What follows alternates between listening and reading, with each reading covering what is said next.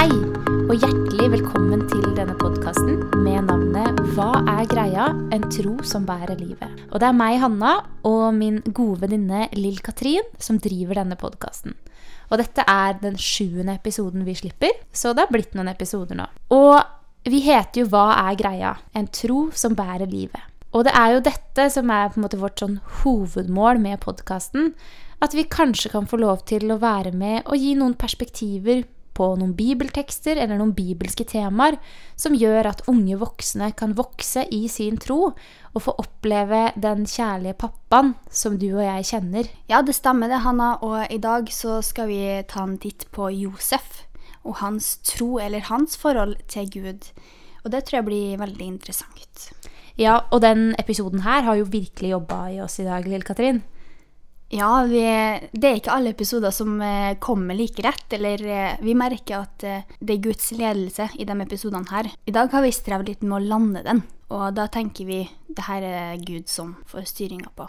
Ja. Forrige episode vi slapp, den handla om tro og tvil. Og det er jo som Lill Katrin nå sa, slik at vi ønsker å gå inn i historien om Josef for å se hvordan hans tro prega hans liv i alle de vanskelige situasjonene som han møtte på i løpet av det livet.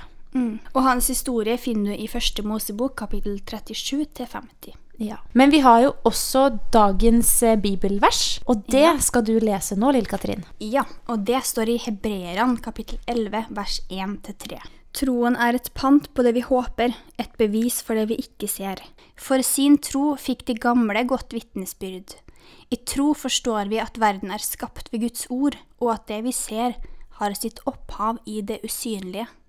Og grunnen til at vi har valgt akkurat det verset der, det er jo fordi at det her handler om tro, og hvilken eh, kraft det ligger i tro, og at tro er et bevis på det vi ikke ser. Og um, i kapittel 11 i Hebreerne så står det om bl.a. Abraham sin tro, om Josef sin tro, om Moses og ja, mange andre sånne troshelter, da. Og det er jo ja, virkelig troshelter som har en tro som bærer livet. Mm og ikke et liv som bærer troa. Og siden forrige episode handla om tro og tvil, så er det litt naturlig å bygge videre på det nå i denne Josef-historien. Og da lurer jeg på, Lill Katrin, har du liksom opplevd Guds trofasthet gjennom livet?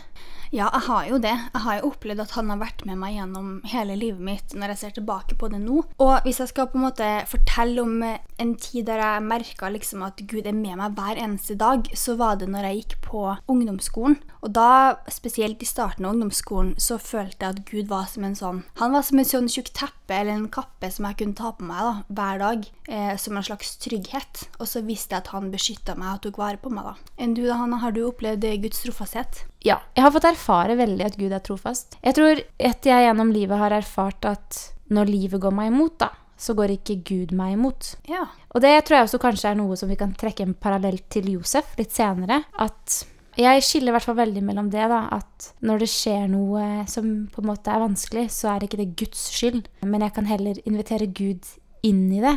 Og så kan Gud bli med på å hjelpe meg videre. Og så kan jeg på en måte bestige det fjellet i mitt liv. Så jeg vil absolutt si at jeg har opplevd Guds trofasthet på veldig mange punkt da, i mitt liv. Og det er også det som gjør at, at den podkasten her er så viktig for meg òg. At jeg vet ikke I forrige episode så snakka vi litt om det at jeg vet ikke helt på en måte hvor jeg hadde vært hvis jeg ikke Hvem hadde jeg vært uten Gud? Jeg vet ikke. Ja, jeg har liksom vokst opp med Gud som pappa. Han er skikkelig pappa for meg, og har opplevd at han har tatt meg med da, over alle disse fjellene. Og det har gjort at jeg har så lyst til å gi det videre og vise at liksom, Gud har helbreda så mye på min innside. Jeg snakka litt om det forrige gang, at jeg opplevde en sånn veldig indre helbredelse. Og det har på en måte gjort at jeg ønsker å gi Gud den plassen, og ønsker å tro på Han, og ønsker å gå til Han når det oppstår ting i mitt liv som er vanskelig. Og det er jo også kanskje litt det som er litt hjertet med vår podkast, at vi ønsker at unge voksne også, og egentlig alle aldre, skal få lov til å bare kjenne den pappaen som vi kjenner. Og skal få lov til å fullt og helt ut kunne legge sitt liv da, i hans trygge og gode favn. Som du snakker om dette teppet da, som bare holder mm. deg.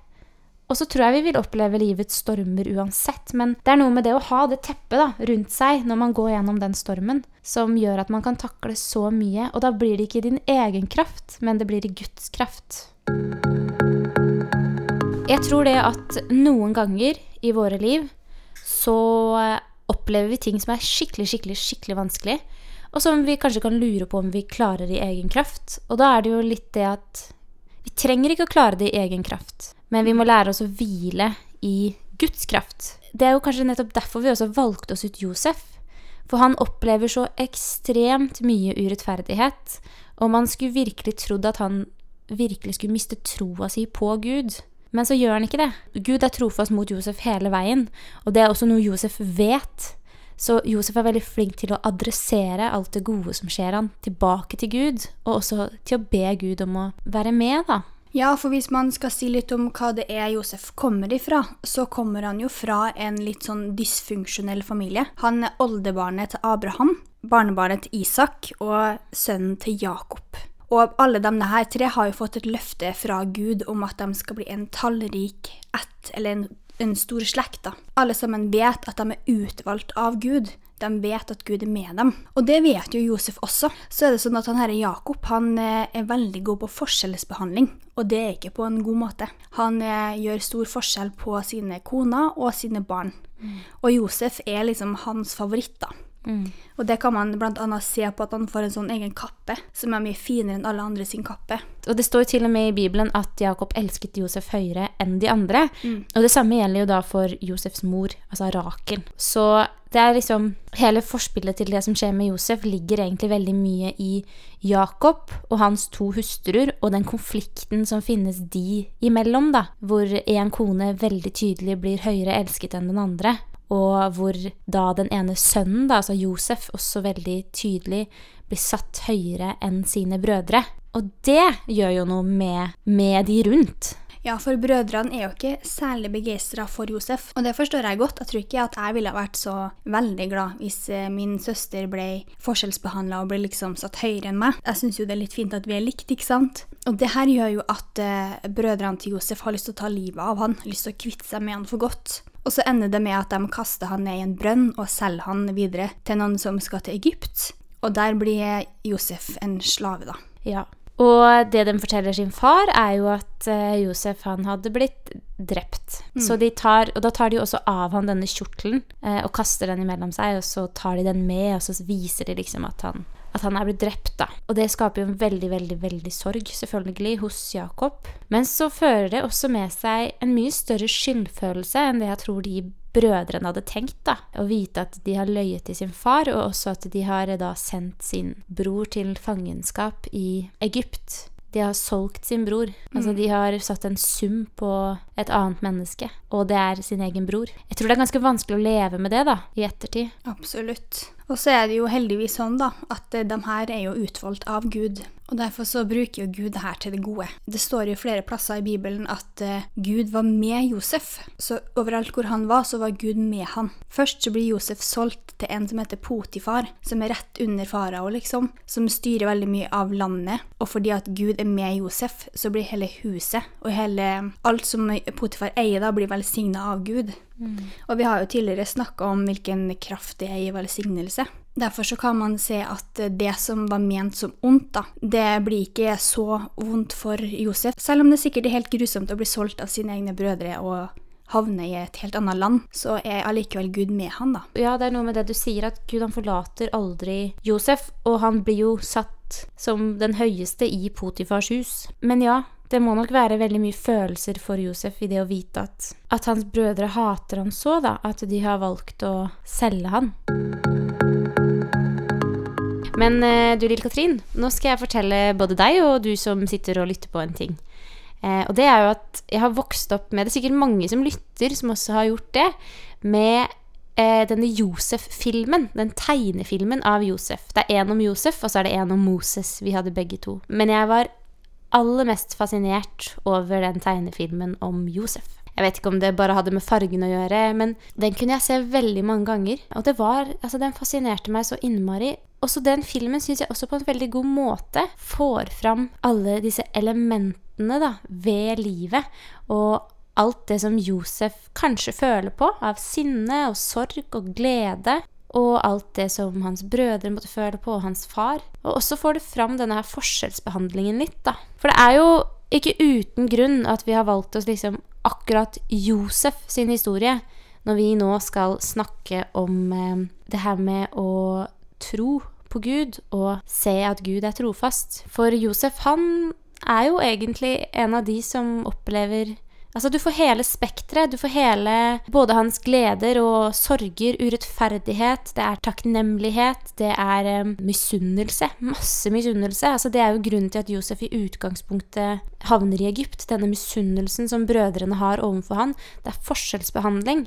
Men det er også tilgivelse, forsoning og forløselse. Altså, Gud snur da en veldig vanskelig og tung situasjon til det positive. Ja, det er så sant det du sier, og det er så utrolig fint. Og jeg tenker jo at eh, det her viser jo at eh, Gud tenker litt lenger enn oss, da. Tenker jo på det at eh, Vi sier ofte det at Gud står utenfor tid og rom, og dermed så kan han se ting i en annen sammenheng enn oss, og bruke det som ble feil, det som ble vondt, det som ikke skulle vært. Han kan bruke det til noe godt, da. Og det betyr jo ikke at Gud ønsket, eller ønsker at det vonde og det som ble feil, skulle skje med deg. Nei. Men det betyr at Gud, han, som du sier, han er utenfor tid og rom, og han kan gripe inn. Og fordi han er utenfor tid og rom, så kan han gjøre ting riktig, da. Og han kan eh, helbrede det du har på innsiden som må være vondt. Og det her ser vi jo er veldig tydelig i Josef-historien. Fordi etter at Josef opplever masse urettferdighet i Egypt også,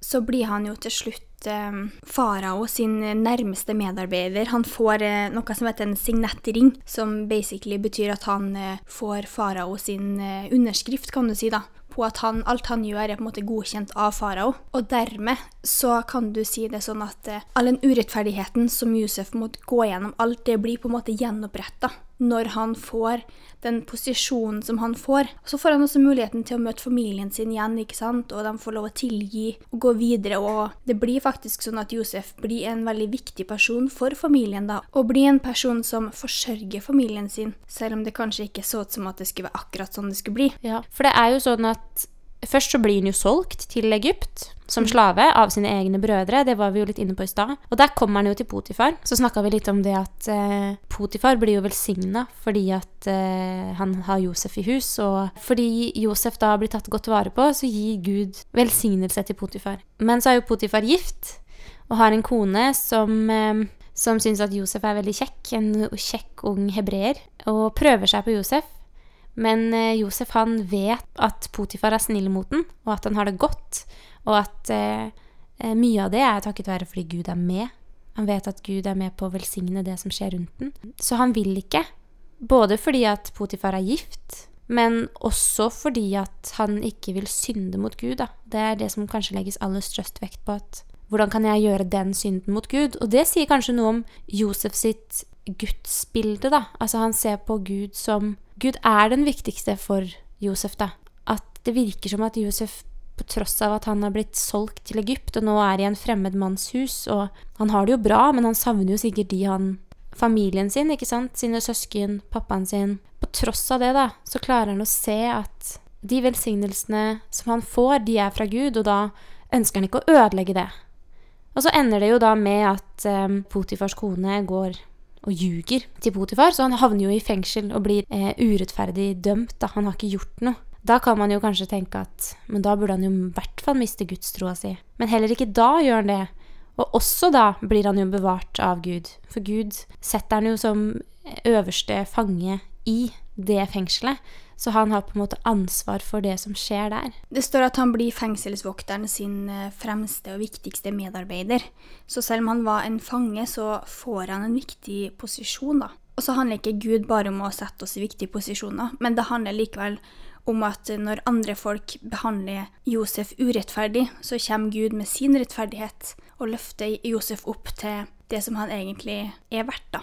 Mm. Jeg vil jo tro at for Josef så må Eller jeg vil ikke bare tro. Det er på en måte For, for Josef så er det jo det å ha den troa på Gud, og det å ha antagelig en ganske nær relasjon da, til Gud, som det Josef har Jeg tror ikke han hadde klart seg uten det. Fordi at eh, det å først bli satt en prislapp på av dine egne brødre, altså din egen familie, de som faktisk skal elske deg og tåle misunnelse, for så å bli urettferdig dømt for noe du ikke har gjort. Hvordan, hvordan klarer man som menneske å stå i det hvis man ikke tror at det fins en gud som har lyst til å hjelpe deg gjennom det, da?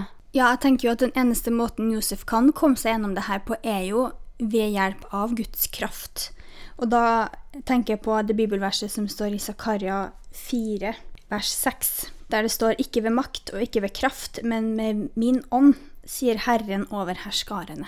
Mm. At det er liksom det som er greia, da. At Josef greier å stå i alt det der fordi at Gud er med han, fordi at hans ånd er den som bærer han, og hjelper han gjennom alt det prøvelsene han møter, da. Ja, og jeg tenker også på det bibelverset 'Herren skal stride for dere, og dere skal være stille'. Ja. At i vanskelige situasjoner så tror jeg det å Eller har fått erfare det.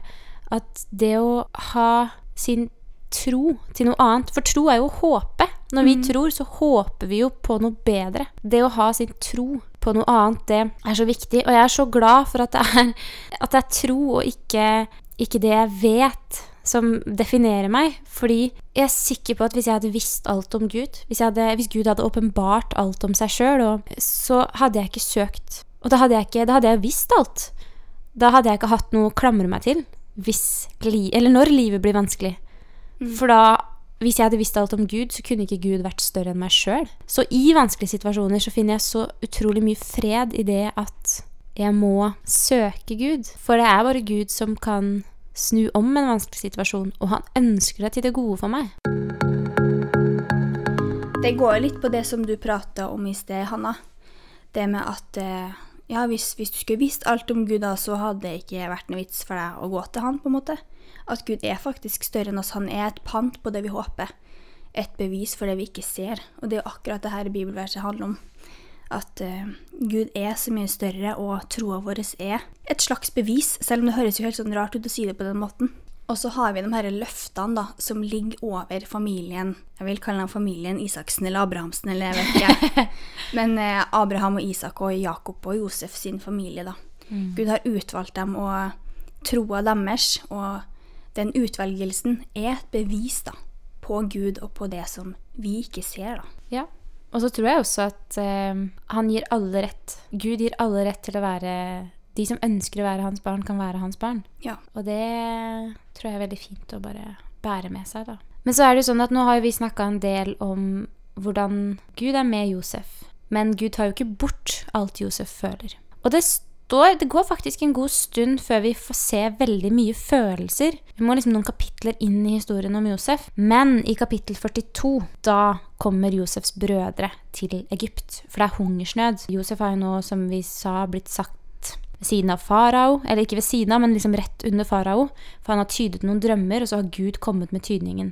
Og da er Josef veldig nøye på det, at det er Gud som har tydet drømmene, og ikke han. Og det gjør jo at faraos hus også blir velsignet, ikke sant? Men følelsene til Josef, de fjerner ikke Gud. Og her har du det Gud går sammen med gjennom men han tar ikke bort. For i kapittel 42, da kommer altså Josefs brødre til Egypt for å kjøpe korn, for det er hungersnød. Og så møter de Josef, og så blir Josef veldig overraska. Han hadde jo ikke forventa sikkert å skulle se dem noen som helst gang. Og så snakker han gjennom en tolk, og de kjenner han jo ikke igjen. Men det står at det er veldig mye Eller det er veldig mye følelser i Josef. Og så ender det egentlig opp med at Josef han later som egentlig at han tror at de er bedragere. Og de har jo på en måte vært Ja, hvis du skal sjekke historikken deres, så er de jo litt bedragerske, egentlig.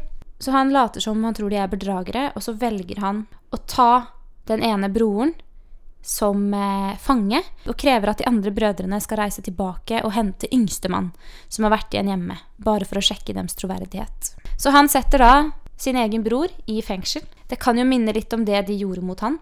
Og det viser jo kanskje Josef sine følelser i det. Så står det også at brødrene har også en refleksjon over dette når de møter denne mannen som de ikke vet at er sin bror. Det står at de sa seg imellom sannelig, vi har skyld på oss for vår bror.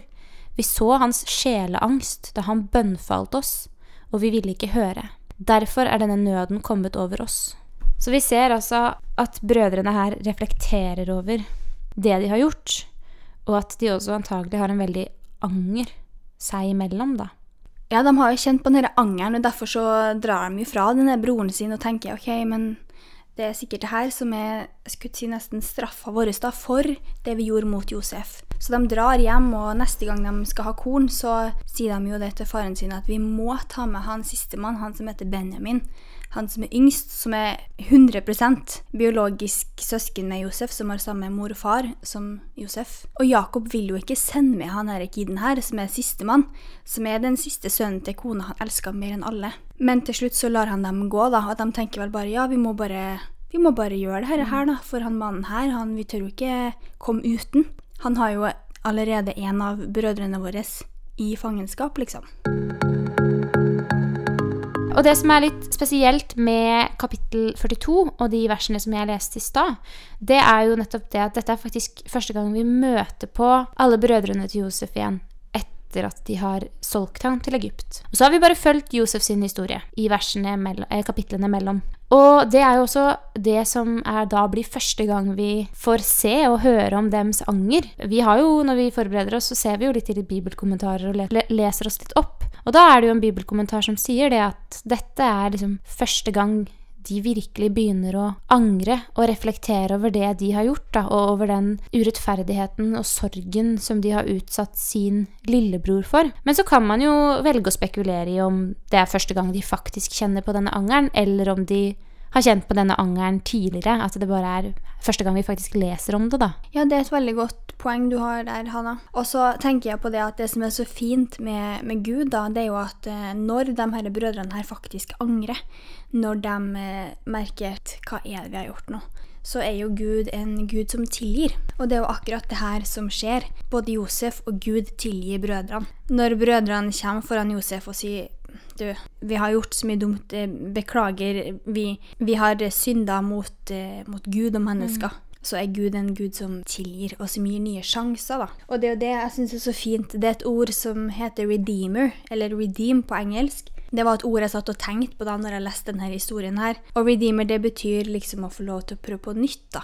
En som eh, gir nye sjanser, tilgivelse, frelse og nåde, og liksom muligheten til å ja, begynne på nytt, da. Gud er en sånn redeemer. Mm. Som gir folket sitt og brødrene her en ny sjanse. Og han gir jo også Josef en ny sjanse, fordi ja. det at denne ene broren da blir kasta i fangehullet, er jo antageligvis fordi Josef har så mye følelser som han ikke vet hvor han skal plassere. ikke sant? At han også faktisk dummer seg litt ut da, i møte med sine brødre. Men så kommer det også veldig tydelig fram at Josef han ønsker jo å tilgi dem. Men så er det noe med det òg at Josef han trenger ikke å tilgi dem i egen kraft, men de skal tilgi hverandre i Guds kraft. Det er også et viktig aspekt. Og det er noe som gjelder for oss òg, at det er ikke alltid vi klarer å tilgi egen kraft, men det å tilgi Guds kraft, da, det er, eh, det er også en, form for tilgivelse. Og så kommer vi da til det her møtet, da, hvor de har tatt med seg Benjamin, han yngste lillebroren til Josef. Så skjer det noe spesielt i det her møtet. Ja, det gjør det. Fordi vi må jo huske, jeg tror det er veldig viktig når vi leser i Bibelen, at vi husker at det er mennesker vi leser om. Og det er ikke alltid at følelser kommer så veldig til uttrykk. Men det er to steder som følelser kommer til uttrykk i denne historien. Først så skal jeg bare lese det som står i liksom kapittel 42 videre der, om hvordan Josef opplevde det å møte sine brødre den første gangen de kommer til Egypt. Og så skal jeg lese hvordan han opplever det andre gang. For det står og han vendte seg bort fra dem og gråt, så kom han tilbake til dem igjen og talte til dem. Han tok Simeon ut av flokken og bandt ham mens de så på. Så vi ser altså at Josef gråter i møte med sine brødre. For det vekker mye følelser, da. Og også når han da møter Benjamin, så vekker det veldig mye følelser. Og det beskrives ganske, ganske Altså det er ganske kraftige ord da, som brukes for å beskrive den følelsen som Josef sitter inne med. Nå har han sett Benjamin. ikke sant? De har kommet, de skal spise middag hos Josef. Så har han sett Benjamin, og så står det Og Josef skyndte seg bort for hjertet hans brant av kjærlighet mot broren, så han søkte et sted hvor han kunne gråte, og han gikk inn på rommet sitt og gråt der. Så vasket han ansiktet og kom ut igjen. Han gjorde seg sterk og sa, sett maten frem. Jeg skulle si, Det er ikke ofte man hører at menn har så sterke følelser, men her så er jo Josef helt sånn overvelda av følelsene sine, da. Ja, det virker veldig sånn, og det er kanskje ikke så rart heller. Han hadde For det første så hadde han jo eh, Han har jo fått eh, to barn i eh, i dette Eller i Egypt. Og han har jo valgt å Disse har fått da navnet Manasseh og Efraim. Eh, og det står om disse to sønnene, så står det også hvorfor de får de navnene de får. Og da står det Og Josef kalte sin førstefødte sønn Manasseh. For Gud har latt meg glemme alt mitt strev og hele min fars hus, sa han. Den andre sønnen kalte han Efraim. For Gud har gjort meg fruktbar i det landet hvor jeg led ondt, sa han. Så vi ser jo at Josef har vært veldig i kontakt med det som har vært vondt og vanskelig, og at han takker Gud for at han nå har det bra. I disse navnene da, så ligger det jo også litt det at han kanskje ikke forventa at han skulle få se sine brødre igjen og sin familie igjen.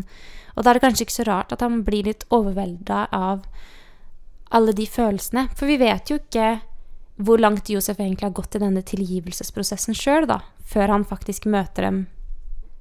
Ja. Til slutt så må jo Josef fortelle sine brødre hvem han er. For eh, til slutt så innser han at eh, nå, nå må jeg fortelle dem hvem jeg er. Og så tilgir han brødrene sine. Og så står det et eh, veldig fint vers om hva det er som ligger i denne tilgivelsen. Ja, og det verset det står i eh, første Mosebok, og det er i kapittel 50, så det er i det siste kapittelet. Og det står i vers 20. Og der står det Dere tenkte ondt mot meg, men Gud tenkte det til det gode, for å gjøre dette som vi ser i dag, og for å berge livet for mange mennesker. Så vi ser altså at Josef sin tilgivelse, den Han velger å tilgi sine brødre. Og så har han også fått lov til å oppleve Guds trofasthet gjennom livet. Og det tror jeg er med på å gjøre det lettere for Josef å tilgi. At han er i stand til å tilgi fordi at han vet at det fins en Gud som bryr seg om han, og som ønsker å rette opp da, i de forholdene som er i stykker. Så han velger å tilgi, og så velger han også å ta sin drittsituasjon, for det er jo en skikkelig drittsituasjon som han har havna i, og så velger han å snu det til det gode ved å si ja, men se da, Gud har snudd det til det gode, og nå er vi her. Han er veldig reflektert. Jeg blir veldig sånn imponert når jeg leste det første gangen. Jeg, så var jeg bare sånn wow. Du ser at her har Gud virkelig jobba i Josef, og han har eh, sikkert eh, blitt tilgitt men også da den her tilgivelsen som han gir. At det er en reflektert holdning han har, da. Og så kan man se at eh, etter det her skjer, etter han har tilgitt brødrene sine, så sier han kom til meg, bo til meg i Egypt. Og så får de bo i et område som heter Gosen, som er et veldig fruktbart område da, for mm. gjetere og sånn, der han får lov til å bo med hele sin familie. Mm. Og da er det ikke bare Josef, liksom, men det er hele Jakob sin familie med alle de eh, sønnene og brødrene til Josef da, som har behandla han skikkelig dårlig. Mm. Alle får lov til å bo der. Og på den måten så kan man si at man kan se Guds trofasthet gjennom prøvelser, og at eh, gjennom prøvelsene så fører det til gjenforening, da. Ja. Gud tok altså rett og slett den dumme situasjonen som Josef eh, hadde havna opp i, så satte han han over alle, eller over veldig mange, i mm. Egypt. Mm. Og når det da ble hungersnød, så kunne Josef få lov til å invitere sin familie inn, og dermed faktisk redde dem fra Ja, ja fra sult, i hvert fall. Mm. Så hvordan kan vi, da, som kristne i dag, ta med oss Guds trofasthet inn i vår hverdag og i vårt liv? Jeg tror eh, I hvert fall for min del så handler det veldig mye om å faktisk minne meg selv på hvem Gud er. Eh, og for meg er det veldig viktig å skille mellom det at jeg er en skapning, og han er en skaper. Eh, eller han er skaperen. Det er bare Gud som kan skape. Og det at ja, Som jeg var litt inne på i start, hvis jeg hadde visst alt om Gud, da, så hadde det ikke lenger vært en tro, og da hadde ikke troa mi vært et pant på det jeg håper på. Og da hadde jeg følt meg veldig alene, og følt at jeg hadde måttet gå gjennom livet alene. Så for meg så er det der med å faktisk sette meg selv i forhold til eh, Gud veldig viktig, da. Ikke for at jeg skal gå rundt og være redd for Gud, men for at jeg bare skal vite at Gud, det er du som frelser, og du som er min fred. Og det er du som kan uh, gjøre mitt liv godt, da. Mm. Mm. Du er større enn meg, rett og slett, liksom? Ja. Ja. Større enn meg, og større enn mine problemer.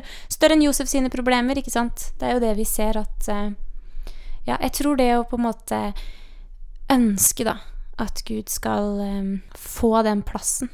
At det er han som skal fortelle hva som er sant. Det tror jeg kan være en veldig stor hjelp å ha med seg da, mm. i livet.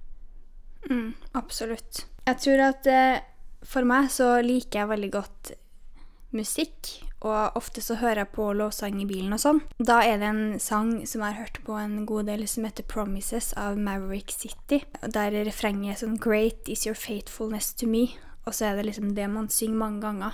Og for meg så er det en sånn god påminnelse. Og ofte så kan jeg bare synge på den hvis jeg går hjemme liksom og ja, holder på å vaske klær eller hva som helst. Så kan jeg liksom bli minna på den sangen og begynne å synge på den. da. Great is your faithfulness to me. Stor er din trofasthet, Gud. Mot meg, da. Mm. Og det er en sånn enkel måte å bli påminna på Guds trofasthet. Når du får den teksten, som på en måte påvirker deg, da. Mm. Ja, så tror jeg det også Det finnes veldig mange sånne enkle bønner som man bare kan følge, ikke sant? Eller det å skrive sin egen bønn, da. Lage seg en sånn egen bønn som på en måte Hvor man tar for seg hva er det jeg trenger, da? Og hva er det Gud sier om meg? Altså, hva er mine usikkerheter? Og så fylle det med Guds sannheter. Og så be det over seg sjøl, for eksempel.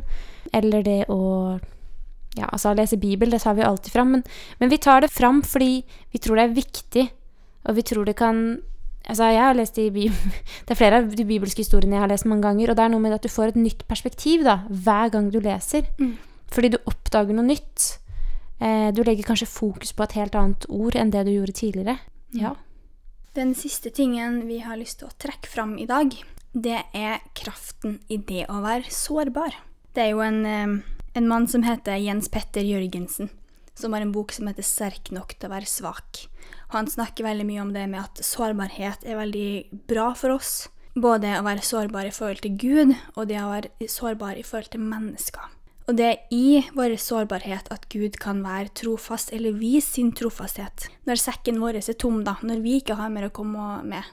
Det er da Gud virkelig kan gripe inn, og det er da Gud virkelig kan, kan vise oss sin styrke da, og sin kjærlighet og sin trofasthet. Så det er vel også et litt sånn praktisk tips. Tør å være sårbar. Selv om jeg syns det kan være kjempevanskelig. Og um, utfordrende og krevende, og litt skummelt også. Fordi tør jeg virkelig å være sårbar? Men samtidig så er det en, eh, ja, det er en kraft da, i det å være sårbar og vise sårbarhet, som eh, jeg tror er undervurdert i dagens samfunn. Mm. Vi skal alle vise hvor sterke vi er, at vi mestrer livet, at vi klarer alt. Det er når vi viser at vi ikke greier alt, at vi får virkelig oppleve nåden, Mm. og oppleve hvilken kraft det er i den, da. For det er jo sånn at eh, i dag så sier jo alle 'du er bra nok uansett', 'du er bra nok', 'du er bra nok', men sannheten er at vi er jo ikke bra nok. Fordi at da, hvis vi er bra nok, så trenger vi ikke Jesus, da. Mm. Det er jo i vår sårbarhet at Jesus virkelig får lov til å skinne. Så jeg tenker bare halleluja for sårbarhet, og halleluja for Jesus. Mm, absolutt. Det er når vi er ødelagt at vi kan eh, slippe Gud inn. Det er da vi er mest mottagelige for at, for at han kan få gjøre sitt, da. Mm. Og det er jo kanskje da vi Det er i hvert fall da vi kanskje kjenner at vi trenger Gud mest òg. I dag så har vi sett på Josef, og vi har sett på hans liv, og på hvordan Gud er trofast gjennom alle prøvelser og alle gleder, alt som vi opplever i livet. Og jeg håper at eh, dere har lært noe nytt, kanskje. Jeg har i hvert fall lært noe nytt i denne prosessen her. Og jeg håper dere har lært at Gud er trofast gjennom hele livet. Gjennom deres liv også. Gjennom vårt liv. Så er Gud alltid trofast. Nå vil Hanna lyse velsignelsen over dere, og så takker vi for oss. Herren velsigne deg og bevare deg. Herren la sitt ansikt lyse over deg og være deg nådig. Herren løfte sitt åsyn på deg og gi deg fred. Amen. Og med det så ønsker vi å takke for oss, og så håper vi at vi høres neste gang også. Ha det bra. Ha det!